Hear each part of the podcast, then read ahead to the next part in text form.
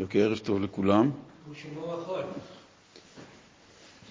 השיעור הערב אה, אה, רפואה שלמה של שמחה אסתר, שמחה בת אסתר, וחנה בת שמחה ורפאל יוסף בן סולטנה, שלהם רפואה שלמה. הדר בן ברכה לרפואה שלמה, ולעילוי נשמת הרב יצחק בן אסתר מלכה לאה, שמחה בת סרח, סעדיה בן סעדה ושמעון בן אמיליה עמליה. אז השיעור יהיה לזכות כולם. בעזרת השם אנחנו היום ממשיכים בעמוד 20, מקווה שנוכל להתקדם קצת יותר ב... בניגוד לשיעורים קודמים שהיה יותר בעל פה. גם זה טוב. אה? בסדר. אנחנו, רק לחבר את השיעור הקודם, שדיברנו לגבי העניין של איך נוצרת טומאה ואיך נוצרת קדושה. טומאה זה חוסר גילוי שהקדוש ברוך הוא ממעט מהגילוי של עצמו, עד כדי כך שנוצר דבר שלילי, ודבר שבקדושה זה כשהקדוש ברוך הוא מגלה יותר את עצמו, בדבר עצמו שהוא מגלה את עצמו יש יותר הערה שלו, לכן הדבר נהיה קדוש. אמרנו את זה לגבי שבת, היום מתקדש בגלל שהקדוש ברוך הוא מקדש השבת, ועד היום מתקדש בגלל שיש גילוי של הקדוש ברוך הוא באותו יום. הקדוש ברוך הוא מתגלה במצוות, באור של הבהמה, בצמר של הכבש, כאשר נעשית מזה מצווה, הדבר אנחנו מברכים עליו, אשר קידישנו במצוותיו. הוא מקדש אותנו, מרומם אותנו, ואת הדבר עצמו שמתקדש, בגלל שיש גילוי שלו יותר בדבר. ככה נוצרת קדושה. מה שאין כן לגבי טומאה, שהקדוש ברוך הוא לא מגלה את עצמו בדבר, וזה יכול לבוא לידי ביטוי במחשבה ובדיבור ובמעשה גם של האדם, וזה יורד ויורד, כפי שאנחנו נראה בשיעור עצמו היום, לאיזה מקומות יכול להגיע צמצום של האור האלוקי, איך זה נהפך לעניין של טומאה. אז אם כן, הוא הסביר בפרק הזה מה זה עניין של טומאה, סיטרא אחרא, לאחר מכן הוא הסביר מה זה קדושה, איך היא נוצרת, ועכשיו הוא חוזר לעניין של איך הנושא של הטומאה מתקיים. אנחנו בעמוד 20, באמצע העמוד, יש נקודה שלאחר שלוש המילים על קדושת השם.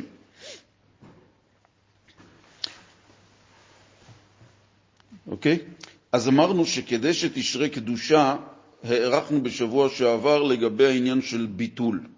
כדי שתשרה הקדושה בדבר, זאת אומרת שתתגלה הקדושה, יתגלה האור בדבר עצמו, הקדוש ברוך הוא נותן אותו, אבל כדי שהוא יתגלה בדבר או באדם או במחשבה שלו או בכל דבר שהוא עושה, האדם צריך להיות בבחינת ביטול. זאת אומרת, לרצות את מה שהקדוש ברוך הוא רוצה, שהרצון שלי יהיה מלא מהרצון שלו ללא רצונות אישיים שלי, כולל הרצון לטובה רוחנית שיש לי מזה. אפילו גם לא לרצון כזה. העשייה צריכה להיות במחשבה, דיבור ומעשה, בגלל שהוא אמר שככה אנחנו צריכים לעשות. למה? ככה. ברגע שאני מתחיל לתת סיבות למה אני מקיים את רצון השם, כאן אני מתחיל לבנות את המציאות שלי שרוצה לעשות את רצון השם. אז יכול להיות מצב שגם יהיה פעמים שאני לא רוצה לעשות את רצון השם, כי זה תלוי בי. אז אני כן רוצה ולא רוצה, זה תלוי במעברים שיש לי בחיים, באותם זמנים שאני עובר, עליות וירידות, אז אם זה בנו לאישיות שלי, אבל אם אני בא ואומר, אני עושה את רצון השם כי ככה הוא רוצה, ולמה ככה? זה הדרגה הכי מועילה לנפש האדם לגילוי של הקדוש ברוך הוא בתוכו. אז למה הרבה אנשים,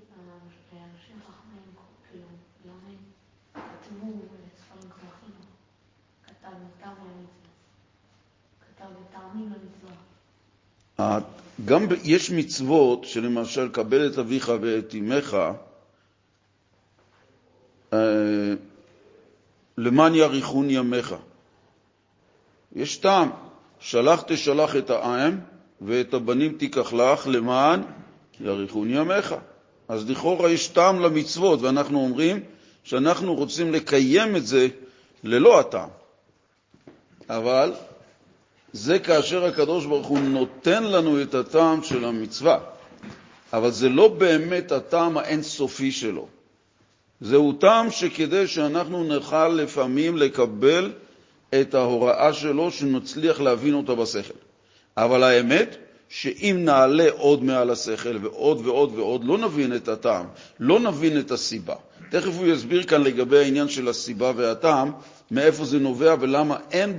בסופו של דבר העניין של הטעם. אז אם כן, בשבוע שעבר אנחנו עדיין מסכמים ששבוע שעבר דיברנו לגבי העניין של הביטול, שכדי שתשרה שכינה, סליחה, שתשרה קדושה או שכינה באדם, במעשיו ומחשבה שלו, צריך להיות שהוא ממלא את עצמו מרצון של הקדוש ברוך הוא. לכן העניין הזה של ביטול צריך להיות באופן של מסירות נפש על קדושת השם. זאת אומרת, כדי שהאדם יהיה לו מסירות נפש לקדוש ברוך הוא, צריך להיות אצלו העניין של הביטול.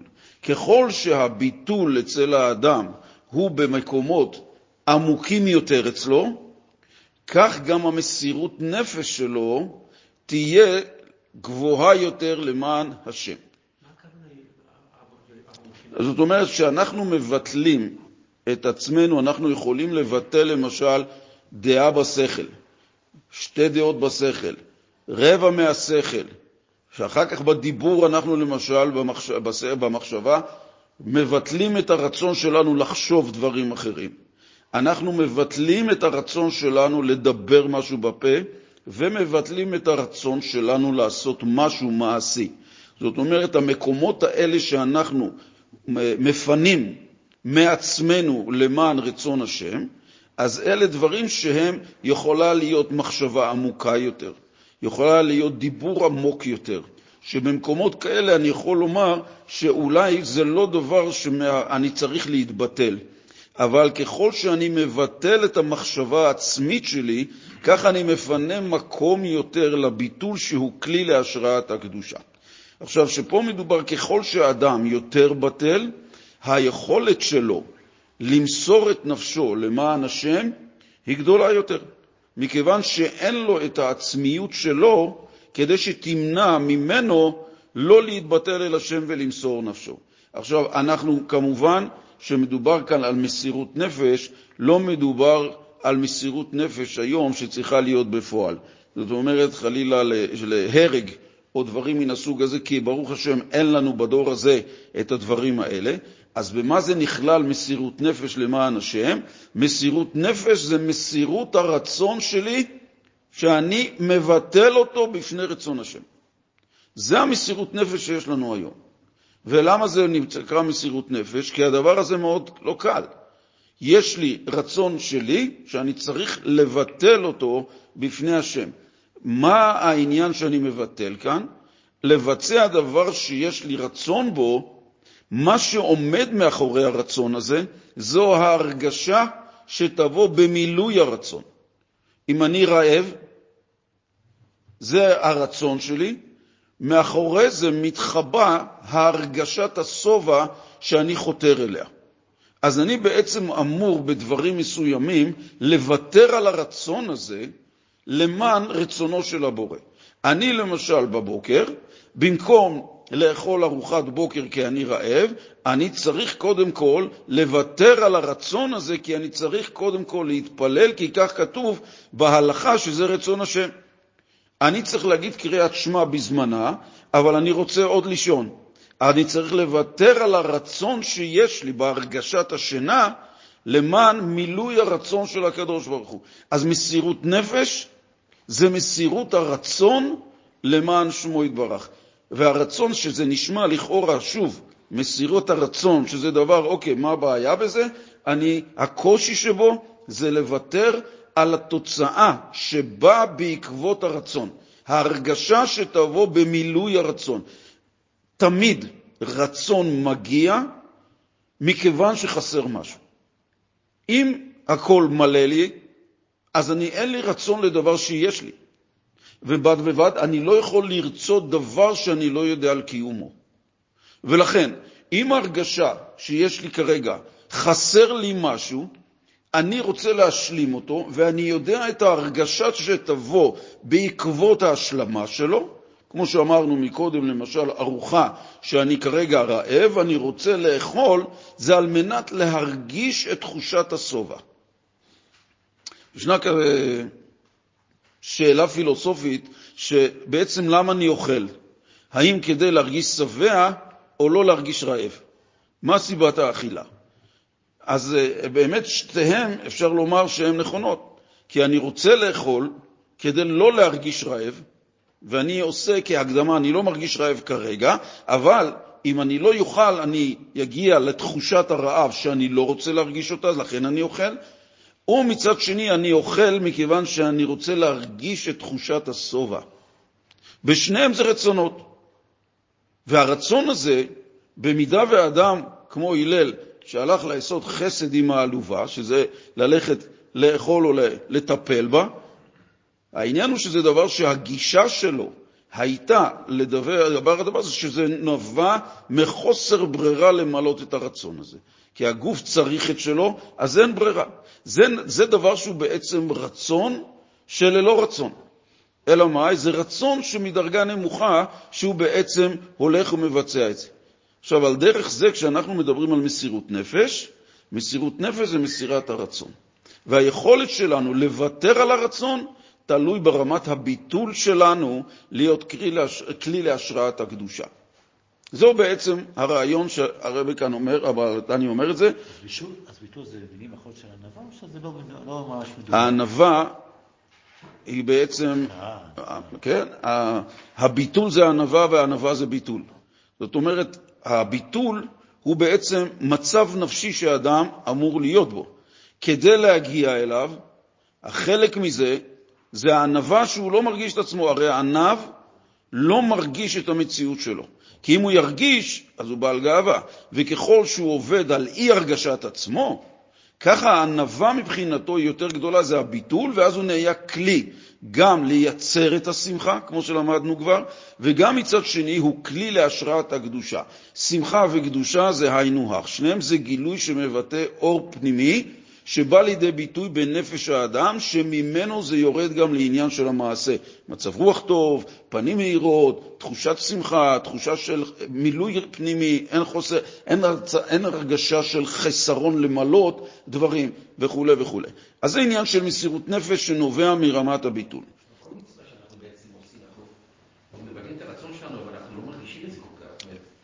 אדם שקם בבוקר לפני זמן קרישמה, אתה לא מרגיש פה, יש כאלה שבשביל זה מאמץ אדיר, אבל לרוב בני אדם זה ספונטני, זה רגיל, זה הכל... אתה לא מחלל שבס, אתה רוצה לנסוע ברכב עכשיו ולשמר שבת, מה, זה נקרא מסע תיקון נפש שבס? לא, זה כל העניין, שבעצם יש כאן מצב הרב, שמה שאמרתם כרגע, יש פה עניין של מסירות נפש, מכיוון שאני יכול לרצות לנסוע בשבת, ואני כרגע נמצא במצב שאני לא רוצה לנסוע בשבת. יש לו רצון. אז נכון, נכון, זה לא מצריך מאמץ הרצון הזה, מכיוון שנולדתם לתוך זה, נולדנו לתוך זה, שאין לנו מאמץ לעשות את הדבר. אבל בשבת עצמה יכול להיות לנו דברים שלמשל אצל אנשים מסוימים, שהם אומרים אנחנו לא ישנים בשבת. לא רוצים לישון בזה, רוצים לנצל את השבת לצורך זה. ויש אדם שאומר, אני אוותר על שינה בשבת תענוג, הרי זה הראשי תיבות אפילו. זה עונג שבת, זה השבת. הרצון לוותר על השינה לאחר צ'ון טוב, והרגשת הנמנום ותענוג העונג שיש בשינה, זה מסירת רצון, למרות שהוא מלביש אותו בכל מיני הסברים, אבל זה בכל אופן, מי שלא הולך למרות התענוג שיש בדבר, הוא מוותר על רצון לא פשוט. אבל כשבן אדם בא כל יום ועושה את הדברים, זה לא בהכרח כבר עניין שהוא מוותר על רצון, כמו שזה נהפך אצלו הרגל שנעשה טבע ומצוות אנשים מלומדה. אין לו כבר רצון שמתנגד לזה, כי בכל אופן הוא עושה את זה גם לא מתוך רצון, הוא עושה את זה מתוך הרגל, עושה את זה מתוך קבלת עול, והוא לא מרגיש בעשייה כרגע שהוא עושה את רצון השם. החיסרון כאן בזה שאני עושה את הדבר, הייתי יכול לעשות אותו ברצון יותר גדול, אם הייתי יודע ומודע לכך שהמעשה שאני עושה כרגע בהנחת התפילין, זה מילוי רצונו של הבורא. אבל מכיוון שאנחנו נמצאים בעשייה יומיומית, והשחיקה נעשית, והשגרה חודרת לזה, והטיפול הפנימי שלנו בהאדרת המצווה וחשיבותה מתמעט, לכן זה נהפך להיות באופן כזה, לא של רצון. גם אי רצון, אני כבר עושה את זה בצורה כזאת שאני לא מסרב, אני לא, אין לי בעיה עם זה, אני כבר עושה את זה כרגיל, זה נהפך להיות טבע, וכשזה טבע זה מצוות אנשים מלומדה. אין כאן מיל, תחושת של מילוי רצון של מישהו. יש כאן רצון שאני צריך של עצמי, שאני צריך לקום. יש לי רצון שאני צריך לבוא להניח תפילין. הרצון הזה גם מנוגד לרצוני. אבל יש לי רצון לא לעשות, אבל יש לי רצון יותר גבוה לעשות. ככה זה גם בהשכמה, ככה זה כל דבר אחר, שהבן אדם מוצא בעצמו בארוחה שיש איזשהו קינוחים כאלה על השולחן ולא נעים לו לקחת, אבל הוא מאוד רוצה את זה. אז יש לו רצון לרצות את זה, ויש לו רצון יותר לא לרצות כדי שזה לא ייראה שהוא איזה בעל טייבה כדי לקחת את זה. אבל בסופו של דבר, המילוי הרצון, שאם היינו מודעים לו של, איזה, של מי הרצון הזה, ושל מי אנחנו ממלאים, של מי הרצון שאנחנו ממלאים, אז כמובן שהתחושה הייתה לגמרי אחרת. אבל כדי להרגיש את הדבר הזה, מסירת הרצון, ככל שהביטול הפנימי של הרצון שלי לדברים, זה מה שנקרא בלשון החסידות, בלשון נתניה, התקפיה. אני כופה את עצמי בניגוד לרצוני, כדי לעשות את רצונו. והדברים האלה תוקפים אותנו מכיוון שיש לנו נפש בהמית, יצר הרע, והם קיימים אצלנו, ואנחנו יותר מתחכ... מתחככים עם המציאות של העולם בצורה כל כך קרובה של חשים אותה מדי רגע ורגע יותר מאשר שחשים אלוקות. ולכן זה נעשה בצורה כזאת שהרצונות שלנו הולכים ומתפרצים להרבה זוויות, ואנחנו צריכים להתמודד עם זה, שכל הזמן לנסות למנוע את זה, אבל האפשרות למנוע את זה בקלות יותר זה עניין של הביטול העצמי. לעשות, יש כל מיני הצעות שבחסידס כתובות, והאימונים הנכונים, איך לעשות את הדברים, איך לעשות את זה, אבל זה באריכות אחרת, אבל בעיקרון, מסירות נפש של היום זה מסירות הרצון שלנו לרצות את רצון השם ולא את רצוננו, וככל שיהיה ביטול פנימי שלנו כלפי השם, פחות הרגשת עצמי, יהיה יותר קל בעניין של הרגשת השראת הקדושה והיכולת שלנו להתבטל לרצון השם וגם להצליח לעבור לאיזשהו סוג של הרגשה נעימה במילוי רצון השם. זה שזה לא הופך להיות אני ממלא את רצוני. אני בעצם הולך ללמוד, אני קבעתי עיתים, אני יושב ומתפלל, אני יושב ולומד, אני יושב ומקשיב לאנשים, אני עושה חסד וכו' וכו' וכו', זה אני, אני, אני, כשהקדוש ברוך הוא לא משולב באני הזה. העשייה שלי כולה זה בעצם אני עושה מצווה. אפשר להגיד שהרצון תמיד קשור אל הנפש הבעמית בעצם? ברוך אתה, לא משנה, כולם דיברו. לפעמים זה, לא, לפעמים זה גם הנפש השכלית אומרת שככה ראוי לעשות. הוא לא אומר, נגיד, זה לא מצד הבורא, הוא לא מרגיש את הבורא, אבל ראוי ככה לעשות. אנחנו נראה דווקא בפרק הזה. ראוי לקום להתפלל.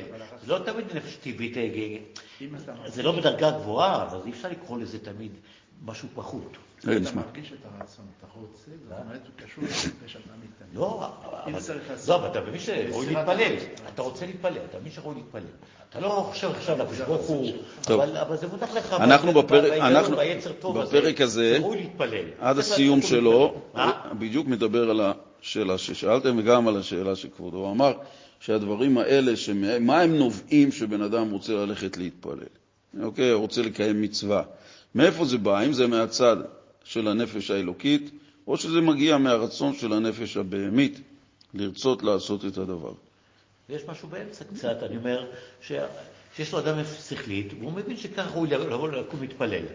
אז, אז הוא לא מרגיש את הקדוש ברוך הוא, הוא לא עושה את זה למען רצון הבורא, הוא לא הוא לא מרגיש אותו, אבל הוא מבין שככה ראוי לעשות, יהודי לא מתפלל, תכף נבוא. זה לא צורה של בן אדם. נכון. אז הוא, אז הוא, אז הוא קם להתפלל. נכון. אז, אז אין לו הרגש אלוקי, מצד שני, זה לא רק הרגש טבעי כזה באמת, אני לא עושה את זה בשביל סתם הנאה. אני מבין שככה ראוי לעשות. צריך יהודי, צריך להתפלל. נכון, רק השאלה, מי זה שקובע שראוי לעשות את זה? לא, ראוי לעשות, השכל הישר אומר. מה זה ישר? זה לא הקדוש ברוך הוא. בסדר, אבל השכל הישר... השכל הישר זה יש גם מצפון קצת, זה מצפון ערכי. זה לא... זה לא... זה לא שוב. אבל זה שוב לא תחושה, לא- מצפון זה שוב תחושה של מישהו שאם אני לא עושה, אני ארגיש את החיסרון באי העשייה. כן, והשאלה מי מרגיש, יש חיסרון שככה לא ראוי אה, זה שפלות מה- ההרגשה? זה לא הגון, זה לא אוקיי, מוסרי. מה ההרגשה? ההרגשה שעשיתי פה משהו, חיסרון שלא הצלחתי לעשות. לא קמתי להתפלל, לא התפללתי היום, אוקיי? אז האדם, אדם יש לו איזשהו סוג של מצפון של מה, איך אני, לא מתאים לי להיות במצב כזה שאני לא הולך להתפלל. זה לא דבר שהוא כאילו לפי החיים שלי, לפי הרמה שלי, לפי הדבר של זה. זה האופן הזה שהאמירה של הדברים האלה היא בעצם מחוררת ומרוקנת מושג התפילה. כי זה לא דבר שקשור שאני צריך להתפלל ולעשות וי. התפילה שלי זה עניין של לבוא ולדבר עם הקדוש ברוך הוא. לבוא ולהיות איתו ביחידות כרגע, בשיחה אישית, לבוא ולעשות את זה. משם זה, אני חושב, זה לא האמירה של תפילה, כמו שכבר למדנו, התפילה היא דבר שהוא מאוד מאוד קשה לביצוע. לא מבחינת ההגעה למקום ולפתוח את הספר ולקרוא את הטקסט. הלימוד המקדים והעבודה הנפשית היא להגיע לסופו של דבר להתרגשות, להתחברות בתפילה עם מי שאני מדבר אליו, שבמקרה הזה זה הבורא. ולכן העניין הוא של להגיד, תשמע, אני לא נעים, לא ראוי לי לא להתפלל או לא לעשות את הדבר הזה, זה כבר בינך לבין עצמך. כן, אבל זה בין- אבל זה בינך. יש דרגה באמצע שאדם אומר, לא מצד שלא לי לא ראוי להתפלל, כאילו זה כבוד שלו, ואני לא אבוא לקום להתפלל היום, זה כבוד, זה משהו באמת כבר. אבל אני אומר, אדם אדם קם בבוקר ואומר, יהודי צריך לקום להתפלל, נו, זה לא צורה. מי אומר את זה? מי אומר לא, את זה לא, שיהודית... לא, בוא- בוא- לא, התורה- לא, לא, לא, הוא יודע בסדר. שהתורה רוצה, רק הוא לא מרגיש עכשיו חי את הבורא. לא יפה, מרגיש- אז הוא חי משהו אחר.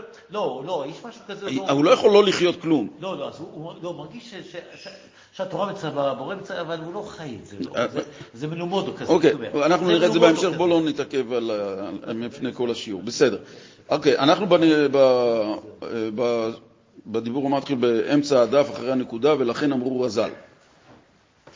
אז היות שמדובר פה על עניין של מסירת הרצון והשראת הקדושה, שזה דרך הביטול, לכן, בגלל כל זה, אמרו רז"ל בפרקי אבות, שאפילו אחד שיושב ועוסק בתורה, שכינה שרויה בתוכו, כלשון המשנה. וכל בעשרה שכינתא שריה לעולם. זאת אומרת שמה? היות שיש באדם. השאלה עולה כאן, למה אחד שיושב ועוסק בתורה, ואם הוא לא תלמיד חכם? יש דרגות בזה. אז איך יש לכל אחד עניין של גילוי, של ביטול, של השראת הקדושה, סליחה, אצל האדם? מכיוון שאצל כל יהודי בכוח, בפוטנציאל, קיים היכולת שלו להיות בטל. זה לא דבר שצריך לייבא מבחוץ, אלא זה דבר שצריך להצליח לעורר את זה בתוכו, להקים את תחושת הביטול במקום רבצה שנמצאת בנפש. האגו שלי נמצא, מכסה על הביטול. אם אני אצמצם את האגו, תוכל, יוכל הביטול להיות מורגש בתוכי שאני לא מרגיש את האגו. אבל מה?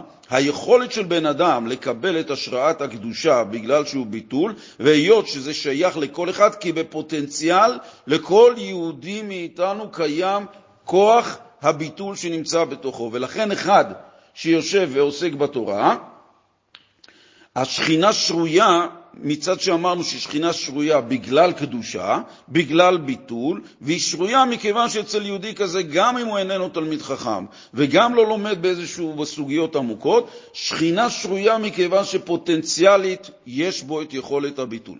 ועל דרך זה גם לגבי עשרה שיושבים, ששכינה שרויה ביניהם, גם, כפי שכתוב, גם אם לא עוסקים בתורה, מכיוון שיש בתוכם את היכולת הביטול הכללית, לכן אמרנו שביטול זה עניין של השראת קדושה, הוא כלי לקדושה, ולכן אפילו שעשרה שיושבים, שכינתא שריה, בגלל כוח הביטול הפוטנציאלי שקיים בתוכם. מה רצית לשאול, ישראל? לא עושים אה, הם לא מה? לא עוסקים באיזה משהו, אפילו זה, אז הם נותנים תורה. כתוב גם שישראל שיושבים ולא עושים, יושבים שמלאך אחד יבוא ביניהם, אין מלאך יכול לעמוד במחיצתם. למה?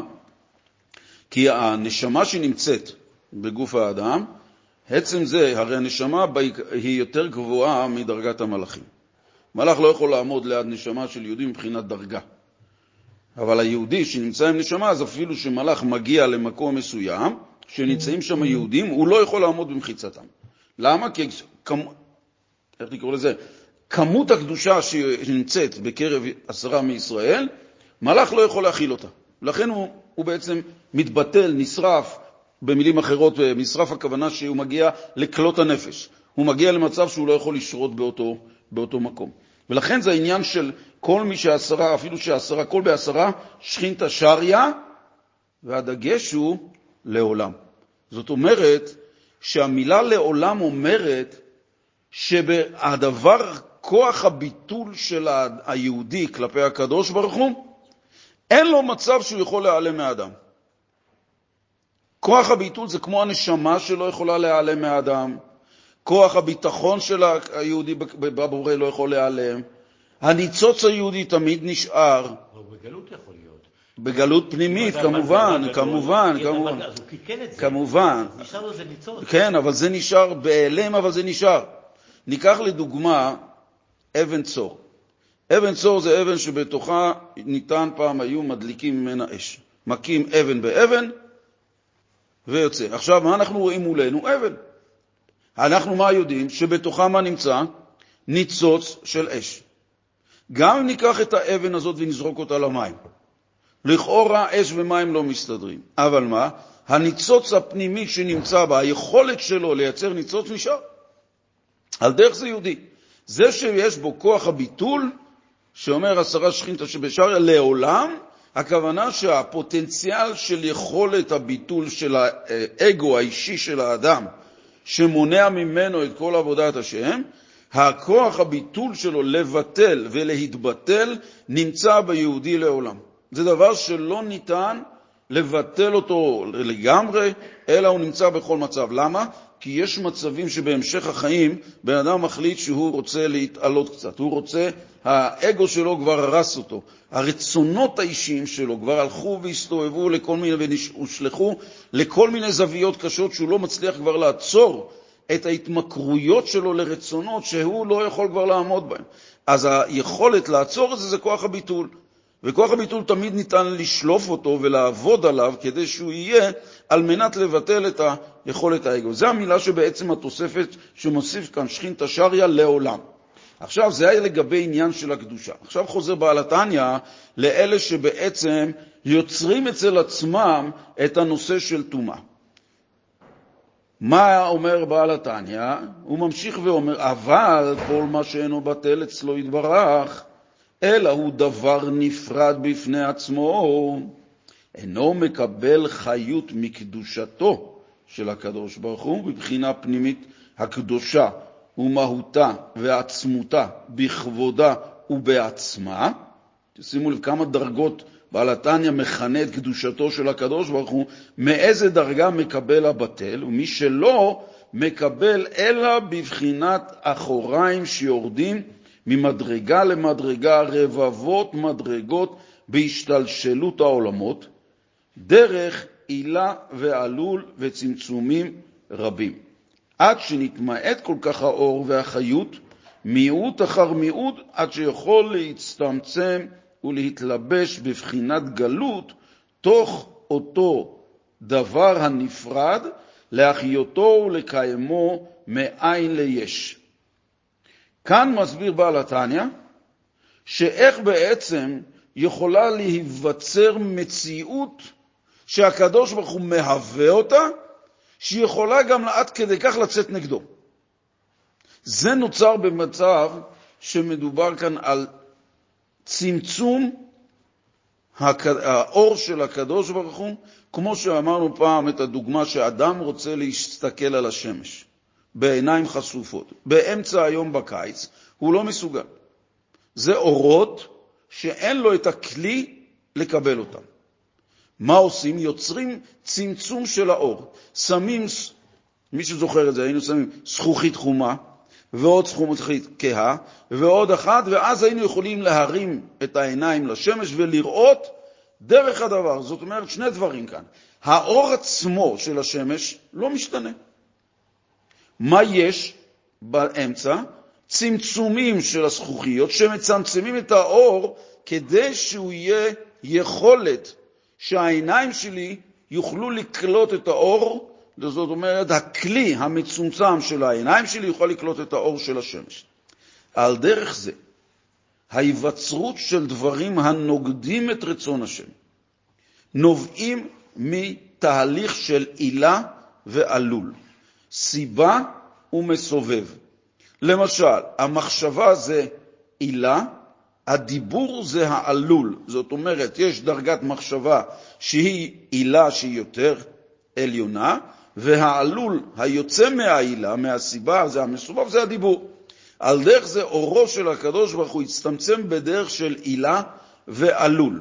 זה התחיל בצמצום ראשון, ממנו יש עילה, זאת אומרת זה העילה, והעלול שמתווצר ממנו מצטמצם והופך להיות עילה לצמצום הבא, וכן הלאה וכן הלאה, כמו סוג של שרשלת שקשור אחד בשני, וכל שלשלת אחת שתופסת בשלש...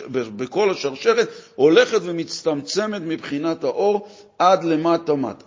אבל במאמר המוסגר אפשר לומר שבכל הסיבות האלה, מה הסיבה לסיבה, נוכל למצוא הסבר, ועוד הסבר ועוד הסבר, אבל בסופו של דבר נגיע למקום שהוא הסיבה לכל הסיבות. כמו שכתוב בפתח אליהו, אנטו עילת העילות וסיבת הסיבות. לכל הסיבות שיש בעולם, סיבה שמביאה לסיבה שמביאה לסיבה, בסופו של דבר הסיבה הראשונה זה הקדוש ברוך הוא, שמביא את כל הסיבות למטה, את כל ההסברים.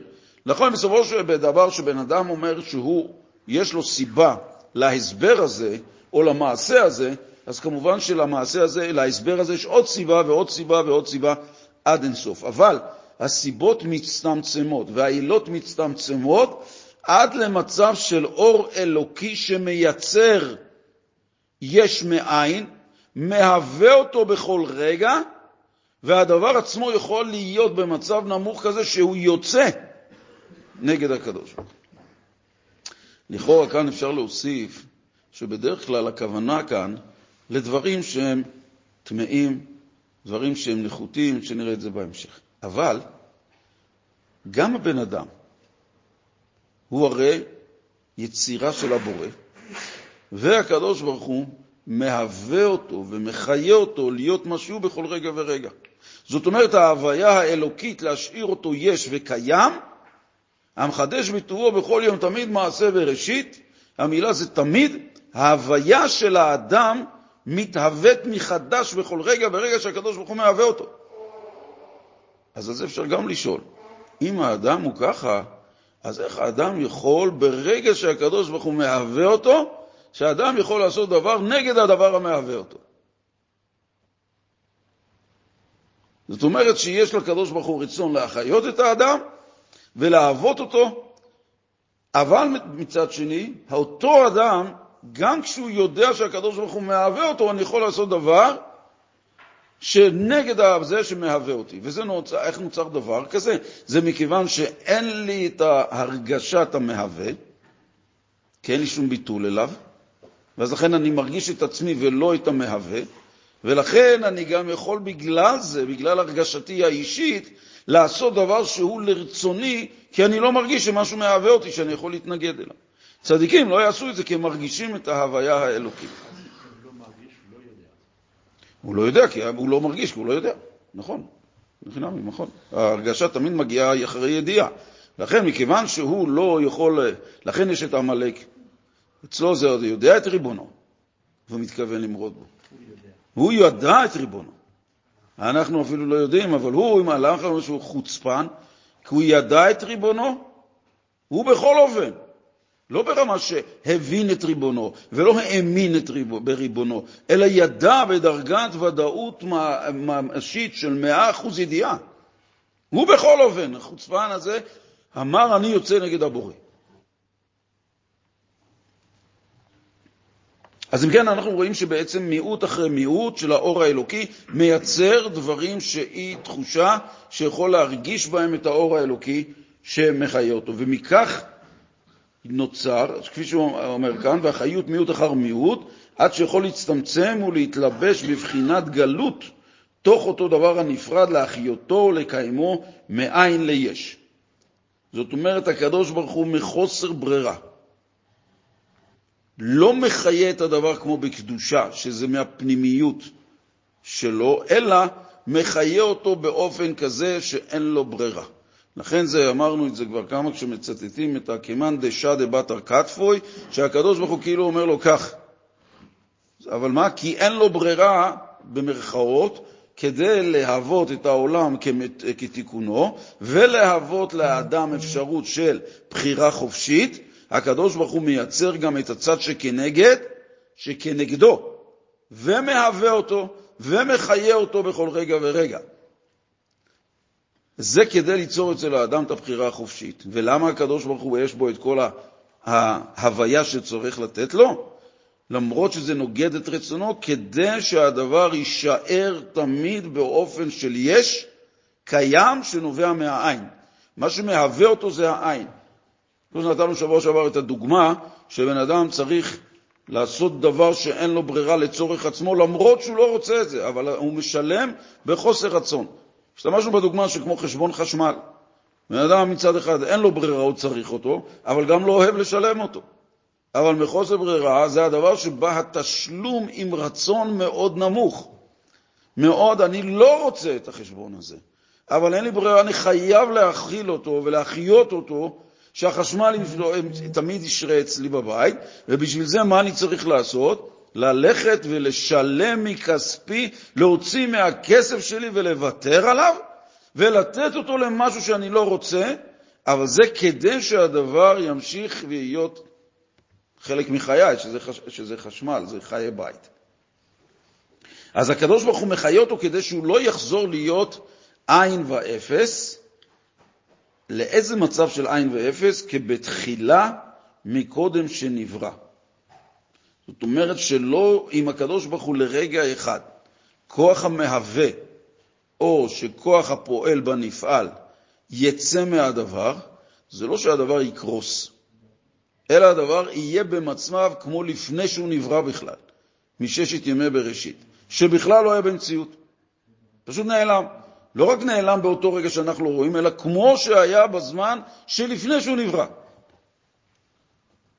לכן העולם הזה נקרא, לכן העולם הזה ומלואו הוא עולם הקליפות וסטרא אחרא, ולכן כל מעשי העולם הזה קשים ורעים, והרשעים גוברים בו, כמו שכתוב בעץ חיים שער מ"ב סוף פרק ד'. אם כן, היות שהעולם הזה הוא נברא על ידי צמצומים רבים, והצמצומים הרבים יוצרים מציאות הפוכה מהקדוש ברוך הוא. יוצא מכך שכל העולם שאנחנו נמצאים בו נברא באופן של שקר, נברא באופן של דרגה אלוקות נמוכה, לכן על זה אומרים שהרשעים גוברים בו. לכן כתוב באופן הזה של העולם, שהעולם הזה ומלואו עולם הקליפות וסטרא אחרא, כי הדרגה שממנה נוצר העולם והדרגה שהעולם נמצא בו זה דבר של אור שהוא בעצם מסטרא אחרא, זאת אומרת אור מצומצם שנובע ליצור דבר אחר, צד אחר, סטרא אחרא, וממנו העולם קיים. זאת אומרת, יוצא מצב שאנחנו נמצאים בעולם שהסיטרא אחרא היא החזקה, היא הבולטת, היא האור שהקדוש ברוך הוא מהווה ומחיה אותו בכל רגע ורגע, ואנחנו, היהודים, נמצאים בעולם הזה שזה עלמא דשיקרא. אבל זה הכל אור אלוקי. הכל, תכף, הנה, כאן בהגעה שרואים פה בצד, זה בדיוק יבהר את, את מה שאמרתם כרגע. זאת אומרת, יוצא מצב שאנחנו מכירים את הדרגה שאנחנו נמצאים בה בעולם שגשמי, שנוצר בהיעלם והסתר עד שנוצר יש מאין, היש מסתיר על העין שמהווה אותו, ואז אנחנו מה רואים כאן? רואים את הדרגה של גשמיות בעולם שהיא בעצם דרגה מצומצמת של הצד האחר. כי אנחנו לא רואים את האלוקות, אנחנו רואים דרגה שנובעת מאלוקות שמסתירה על האלוקות. וממילא אנחנו נמצאים בעולם כזה, שהעולם עצמו הוא מלא קליפות וסטרה אחת. והקדוש ברוך הוא מגלה לנו בתורתו שהעולם הזה הוא כזה. ולמרות זאת הוא רוצה שאנחנו נחיה בעולם כזה ונקיים את רצונו. מה שאין כן, מי שלא יודע שאת רצונו, אז הוא חי. מי שלא יודע, ולא אדם שומר מצוות שיודע את רצונו, אז הוא חי בעולמה של קליפות, נהנה מטובם של הקליפות ומהסטרא אחא שנמצאת בעולם, כי זה הדרגה שמהווה את העולם, הוא לא חושב לצאת ממנה. אז אם כן, מה הוא מרגיש באמת? הוא מרגיש את הגשמיות שקיימת בעולם. הוא חי מהסטרא אחא. כפי שהיא מצומצמת בעולם. אז מאיפה הוא מקבל את היניקה שלו ואת החיות שלו? הוא יונק ומקבל את זה מעולם שמלא קליפות. היהודי בשמירת המצוות שלו, בלימוד התורה שלו, בעבודת השם שלו, מצליח לצאת מהיניקה של העולם. הוא לא מוכן לקבל ממנו. אבל העולם מנסה למשוך אותו. כי העולם כולו בעצם נברא באופן כזה שרוצה לקחת כל אחד ואחד ולהפוך אותו חלק ממנו. לכן אומרים שהעולם מורכב מדומם, צומח, חי, מדבר ויהודי. כי היהודי הוא לא חלק מהבריאה. מצד הנשמה שלו הוא חלק מעל הבריאה, שולט בעל יכולת שליטה בבריאה, יכולת שליטה בשינוי הבריאה, מצד הכוח שניתן לו. אבל כל אלה שניזונים מהעולם, כמו ג' קליפות הטמעות, אומות העולם, הם בעצם ניזונים מדרגת ההלם והסתר שהקדוש ברוך הוא צמצם ויצר עולם של הלם והסתר וקליפות, ממנו זה החיות שלהם. ויהודי, למרות שיש לו נשמה, חלילה יכול לחיות כגוי, מבחינת היניקה שלו מהעולם הגשמי, אבל היכולת שלו להתרומם מהעולם בגלל הנשמה שנמצאת בתוכו, הגילוי שלה יכול להפוך אותו גם לינוק מקדושה ולא מהסטרא אחא שנמצאת בעולם. זה שאמרנו. הקליפות, אם אפשר לציין את זה, שיהודי חי בעולם גם ללא שמירת תורה ומצוות, הרי יש בו קדושה, כמו שאמרנו מקודם, הנשמה האלוקית, הביטול. אז הגימל קליפות התמונות האלה שיהודי יורד ומשתמש בעולם לא לצורך הקדוש ברוך הוא, הסטרא אחא והקליפות יונקות מהיהודי כוח. הוא נותן להם יכולת בריאה. אגב, זה על פי הסוד ולפי הפנימיות העניינים, שרואים שארץ ישראל, כתוב שזה ארץ הקודש. יהודים שנמצאים פה. כמה שאנחנו צודקים בדרכנו, כמה שאנחנו חושבים שאנחנו יודעים באמת, כמה אנחנו צודקים במלחמות שלנו, רואים שלא משנה מה יהודי יעשה, אנחנו תמיד נהיה אה, מושא לשנאה מצד הגזרה ששונא עשיו ליעקב. אנחנו יודעים שכביכול, מה, אם אתם תדעו את האמת, למה אתם תשנאו אותנו? זה לא יעזור. הקדוש ברוך הוא קבע, הן עם לבדד ישכון. ובגויים לא יתחשב. אנחנו נחשבים כשמן שלא מתערבב, ולכן גם כל הדורות שהיו לפני כן הערב רע ומתייוונים וכו' וכו', עד היום, שקוראים לזה שמאל, שמנסים להתערבב עם הצד השני, להיראות כמו הצד השני, והצד השני דוחה אותם. הוא לא רוצה שתהיה כמוני, אני רוצה שתישאר כמוך כדי שאני אוכל לקבל ממך, לקחת ממך. וארץ הקודש... לקחת מה? לקחת קדושה. אה, כן? ארץ הקודש, למשל. קדושה? אה, מאיפה יהיה לו יכולת קיום? אה, זה בתת מודע כזה. זה, לא, זה, לא, זה כמובן, כמובן שזה בתת מודע. למה ארץ הקודש? אבל תראה מה שקורה, כמה יהודים נמצאים בעולם. וכל העולם, העיניים שלו כל הזמן על העם היהודי. אנחנו, יש לנו רצועת חוף קטנה. כל העולם מדבר על ארץ הקודש. כשאנחנו אומרים ארץ הקודש זה מכיוון שאומות העולם, טומאת אומות העולם, מדינות העולם, הם נמצאים מבחינת טומאה ביחס לארץ הקודש. אבל הקיום שלהם יכול להיות קיים רק מיניקה מקדושה. ולכן העניין הוא שכל הזמן, במצב הפנימי של העולם, שאומות העולם כל הזמן שמים את עיניהם על ארץ ישראל, שיהודי יוותר, שיהודי זה כל הזמן, לא משנה מה שדנים בארץ ישראל, אומות העולם, האו"ם, כל הזמן על ארץ ישראל, זה מכיוון שבפנימיות של העניינים זה רצון לינוק מקדושה כדי להישאר בעלת יכולת קיום. לכן זה נקרא ארץ הקודש. כשיש בה קדושה והערה, כמו שאמרנו מקודם, שקדושה שורה במקום שיש ביטול. וארץ זה מלשון, כמו שאומר המדרש, ארץ זה מלשון שרוצה לעשות קונה. רוצה לעשות את רצונו של קונה, של הקדוש ברוך הוא. וממילא קדושה פה, מכיוון שהיא רוצה, ארץ ישראל, לעשות, עיני השם אלוקיך בה, שוב, בגלל הביטול שלה לעשות את רצון השם, עיני השם אלוקיך בה, מראשית השנה עד אחרית שנה. למה הוא שורה בה? מצד הביטול שיש בה לעשות את רצונו.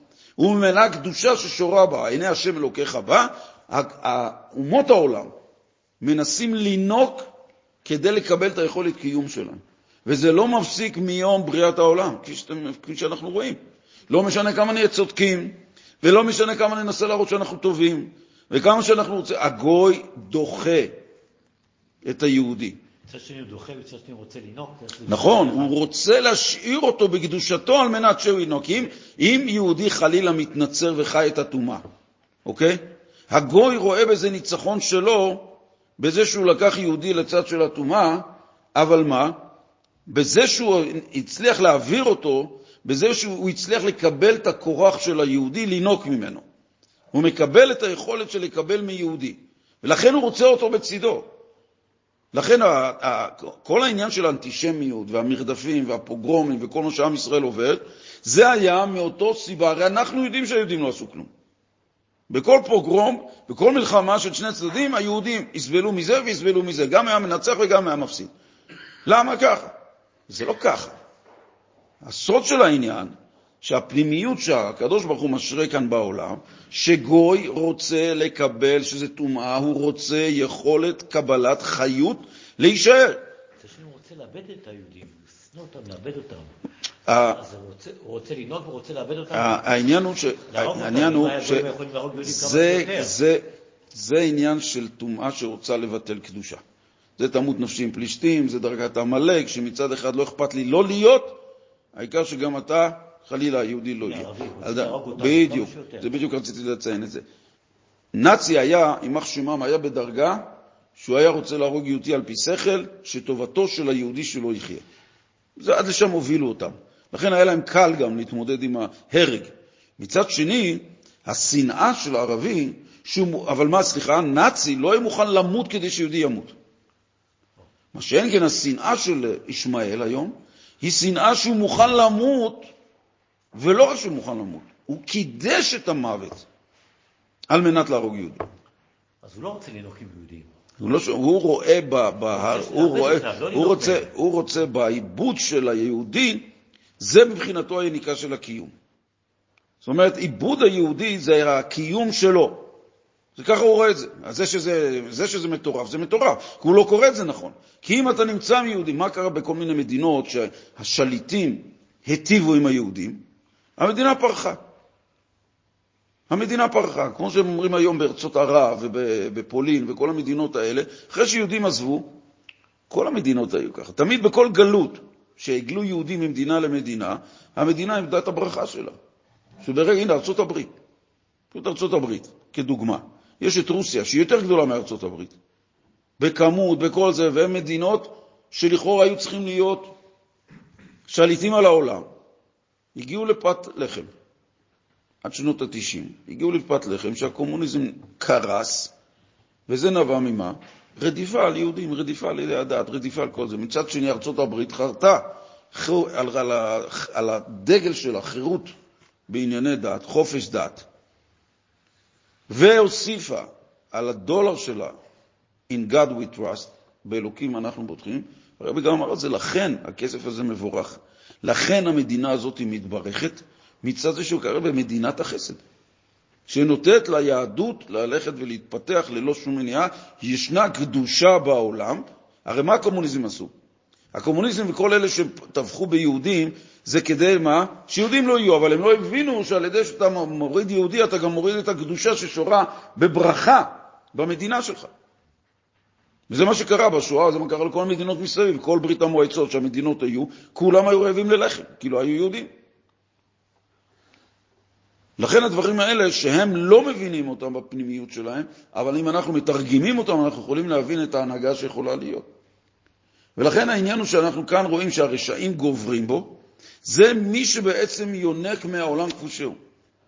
מכיוון שהרשעים יש להם איפה לקחת, הם חיים מהקליפה, הם מתדרכים ומתגמלים את עצמם מעשייה שבתוך העולם, ולכן בכוח שיש בעולם הם יכולים לגבור מבחינת כוח, מבחינת עוצמה, מבחינת זה שהם יכולים עד כדי כך להרים ראש נגד הקדושה. ועד כדי כך שהם לא מרגישים שישנה פה קדושה, אבל הם לא מרגישים מה יהודי מבטא. גוי לגוי, שניהם יודעים שאני, שהוא מבטא טומאה וזה מבטא טומאה ושניהם מסתדרים מבחינת המצב שלהם העולמי. כשהם באים ליהודי, לא יודעים מי הוא, מה המהות שלו, הוא לא איתם ולא איתם. מה שאנחנו מתקרבים עכשיו לפורים, זה הטענה של עמלק, שישנו עם מבודד, שלא עושה את מצוות המלך, ודתם, ודתו אינם שווים, ואם על המלך טוב, מה התוצאה של כל החיסרון שיש ביהודים האלה? מפוזר בין האומות ולא שומע לדתי המלך, מה צריך לעשות איתו? למחוק אותם. לא לעשות אותם עבדים ולא זה, למחוק אותם. למה? שוב, העניין של העולם הוא בנוי מיכולת, מבריאה אלוקית, שהיא בעצם החלק הנמוך בגילוי האלוקות לייצר דבר שגם יכול להיות נגד המהווה שלו. זה, זה דבר שהוא בעצם מדהים. לצערנו זה גם יכול לקרות, זה אצלנו גם, כבני אדם, שלא מרגישים את ההוויה של הבורא, ולכן אנחנו גם יכולים ללכת בכל רגע נגד המהווה שלנו. וזה נובע מזה שהאגו שבתוכנו, הנפש הבהמית, אטמה את היכולת להצליח ולהרגיש את הביטול שיש כלפי הכוח המהווה אותנו. לכן זה ככה. עכשיו מה, מה שהרבא אומר כאן בהגעה, שלמרות שיש בעולם הזה ג' קליפות טמאות, ויש הלם והסתר, ויש מצב שנוברא בן אדם וחיות וכו' בצורה כזאת, הרי כמו שאמרתי מקודם, שבתוך כל זה הרי קיימת חיות אלוקית של הקדוש ברוך הוא, שהוא מחיה ומהווה אותם. אז איך אני אמור להסתכל על הדבר? כטמא? כאיזה אופן אני צריך אמור להסתכל? אז אומר כאן הרב בהגעה, שלמרות שישנם צמצומים והעלמות, עד שנוצר דבר יש מאין, זה דומה למלך שיש לו הרבה לבושים עליו. עוד מעיל ועוד מעיל ועוד מעיל, עד כמעט שלא רואים את המלך. אבל אם אני בא ומחבק, אני יודע שאני מחבק את המלך. אני לא רואה בבגדים שלו שאני מחבק את הבגדים. אני יודע שבתוך הבגדים המעלימים עליו, המהות הפנימית, העצמית, עצמותו של הבורא, נמצאת בתוכו. לכן כשהדבר שרואים אותו, אם אני מסתכל עליו באופן כזה של מציאות גשמית, אז אני אומר, הקדוש ברוך הוא יצר אותו, ולא יכול להיות שהוא מהווה דבר כזה טמא. אבל מאידך אנחנו יודעים שאין דבר בעולם שהקדוש ברוך הוא לא יצר אותו, וממילא גם הדבר הנמוך ביותר הוא עם מלא מעילים, אבל אני יודע שההתייחסות שלי אליו היא בזה שזה דבר שהבורא ברא אותו, נמצא בתוכו, הוא מהווה אותו, אבל בצורה כזאת שהגילוי של ההוויה נמצאת ממש ממש בהיעלם וכיסוי. נקרא את ההגה. אם היות בתוכו עשר ספירות דעשייה דקדושה, וכמו שכתוב בעץ חיים שער מ"ג, ובתוך עשר ספירות דעשייה אלו הן עשר ספירות דיצירה, ובתוכן עשר ספירות של בריאה, ובתוכן עשר ספירות דאצילות, שבתוכן אור אינסוף ברוך הוא. ואז מה יוצא מכך? ונמצא שאור אינסוף ברוך הוא מלא כל הארץ על הזו התחתונה, איך הוא נמצא? על ידי התלבשותו בעשר ספירות של ארבע עולמות, אצילות, בריאה, יצירה, עשייה, כמו שכתוב בעץ חיים שער מ"ז פרק ב' ובספר גלגולים פרק כ'. יש כאן ארבע עולמות שהוא מציין, אצילות, בריאה, יצירה ועשייה, שכל אחד מהם יש בו אין סוף עילה ועלול של צמצומים, שבסופו של דבר כל העילות והסיבות אלה מעילים שמסתירים על המלך, אבל שהוא הולך מלמטה למעלה בהגהה ואומר שעולם העשייה הנמוך, שבתוכו יש את עשר הספירות של עולם הבריאה, היצירה, ובתוכם עולם הבריאה, ובתוך עולם הבריאה עולם האצילות, שבעולם האצילות נמצא עצמות אינסוף. יוצא מכך שההתחלה זה עצמות אינסוף שמצטמצמת על ידי עולמות, עד שהיא מגיעה לעולם הנמוך של ג' קליפות הטמעות, ליצור מצב של העלם והסתר, אבל שאנחנו יודעים בסופו של דבר שאין חלילה מציאות של עבודה זרה שהיא לחשוב שיש לה איזשהו כוח רוחני משל עצמה.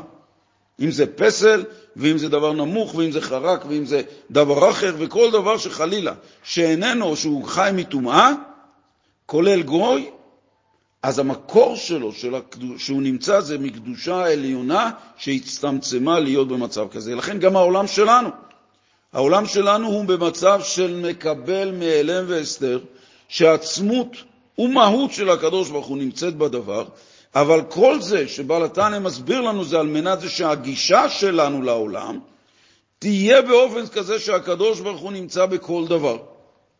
אז נגיד בנאצי, בקומוניסטי, יש פה עכשיו קדושה אלוקית נסתרת? כך צריך, כך צריך לראות את זה? או שכולו טמא? בתוך הנאצי הזה עכשיו יש פה קדושה אלוקית נסתרת? הרי, הרי כפי שאומר כאן, מה, מה נוצר כאן? נוצר כאן דבר שלילי ככל שישנה אל, אור אלוקי מצומצם. שהקדוש ברוך הוא, הצמצום הזה, הוא הולך ומעלים על הדבר. ניקח למשל דוגמה וזה יענה על מה שאתה אומר. יש רב, ראש ישיבה, שרוצה להסביר סוגיה לבחורים, אוקיי? אבל הסוגיה היא גבוהה מדי. אז מה הוא עושה? הוא הולך ומצמצם את שכלו, כדי שהסוגיה תהיה במצב שאכן הבחור יוכל להבין אותה. האם עכשיו הבח... הסוגיה שמונחת, הפתרון והסוגיה שמונח במוחו של הילד, האם זה שלו או מה שהוא קיבל? זה מה שהוא קיבל. ונניח שהילד, הבחור הזה, הולך ומתדרדר. בסופו של דבר גם הכוח של הסוגיה נמצא נשאר אצלו. זאת אומרת, גם עם נאצי, יימח שמם, והערבים שאנחנו מתמודדים איתם, הם יכולים, מה שנמצא בהם, אם אנחנו הגענו לעניין של, אה, שהקדוש ברוך הוא יוצר יש מאין בכל העולם, ובכל דבר ודבר הוא נמצא, ועד כדי כך שזה יכול להיות מציאות שהוא מהווה ויכולה לצאת נגדו, הצמצום שישנו יכול לייצר גם כאלה אנשים כפי שהנאצים, כפי למה? כי ההלם והסתר כל כך גבוה, שההתייחסות שלהם לחיות מהעולם, הם חיים מהדרגה הנמוכה של ג' קליפות הטמעות, שהטומאה הזאת היא הלם והסתר גמור על הקדוש ברוך הוא.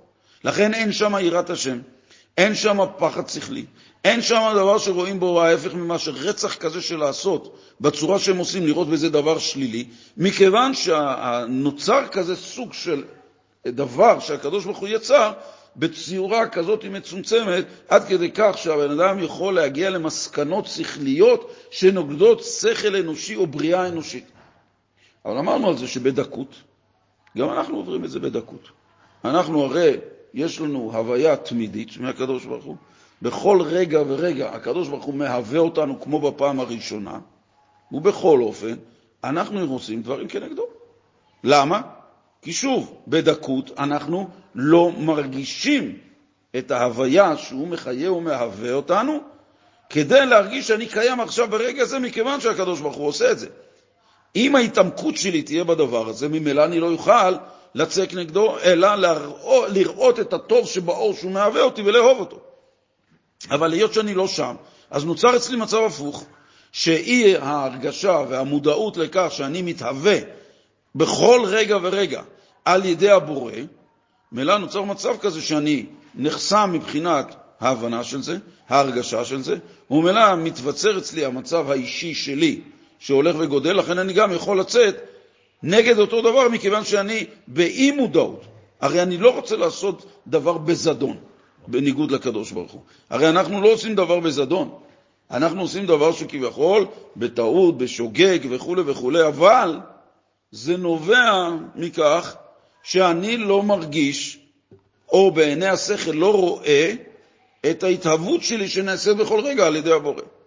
אבל אפשר להגיע לתובנה, אפשר להגיע לידיעה שהדבר לא יכול להחיות את עצמו, אין, אדם חי, אין דבר חי מצד עצמו אלא דבר שמחיה אותו. ובפרט כפי שהרמב"ם כותב בהלכות דעות, ההתחלה, יסוד היסודות ועמוד החוכמות, לידע שיש בורא שהממציא את כל הנמצאים, וכל מה שבשמיים ובארץ לא נמצא, לא נמצא, אלא מאמיתת הימצאותו. זאת אומרת, כל נמצא שנמצא בעולם, הסיבה לו מכיוון שהקדוש ברוך הוא נמצא. וממילא, נוצר מצב כזה, שאם הייתי יודע שאני נמצא בגלל מציאות הבורא, אז ממילא מה הייתה התחושה שלי? התבטלות לממציא אותי, שממציא אותי בכל רגע ורגע. לא המצאה שהוא המציא כמו מדען, אלא הוא ממציא אותי מיש, מאין ליש בכל רגע. וממילא התעמקות בספרי החסידות שמסבירה את הדבר, והתובנה של זה, נוצר, יוצר לי מצב שאני מרגיש שאני חי ממשהו אחר, וממילא אני לא יכול לצאת נגד המשהו האחר הזה. אבל כל זמן שאין לי את זה, אני בדקות דדקות חי בניגוד לרצון השם ועושה ברצון, בניגוד לרצון השם, כמו הטומאה שהולכת ומצטמצמת לייצר דברים קשים יותר שהולכים נגד רצונו. אז זה עושה בנאצי הזה, באמת אין בו קדושה אלוקית. הוא, הוא, הוא גימל כתיבות מאוד. הוא... רק השורש שלו, מי שחיה אותו, מי שמחיה אותו... גם ברגע זה. כן. גם ברגע זה. מה שמהווה ומחיה אותו זה המלך שנמצא בתוך המעילים. אוקיי? אבל, אבל, מה אנחנו רואים? אנחנו רואים את המעילים. אבל אם אני מחבק את הדבר, אז אני יודע שאני מחבק את המלך. זאת אומרת, הניצוץ האלוקי שמחיה ומהווה אותו בכל רגע, נמצא בכל דבר. אז גם בנאצי הזה יש לה... בכל דבר. אם לא, אם לא, זאת אומרת שיש מישהו אחר שמחיה ומהווה אותו מלבד הבורא. וכל מה שהרמב"ם אומר שכל הנמצאים לא, נמצ... לא נמצאו אלא מאמיתת הימצאו, אז יש דברים שהם, לא נמצ... שהם נמצאים לא מאמיתת הימצאו, חס ושלום. לכן זה בעצם כל דבר שמחיה ומהווה אותו, אז זה בעצם הדבר שבתוכו נמצא.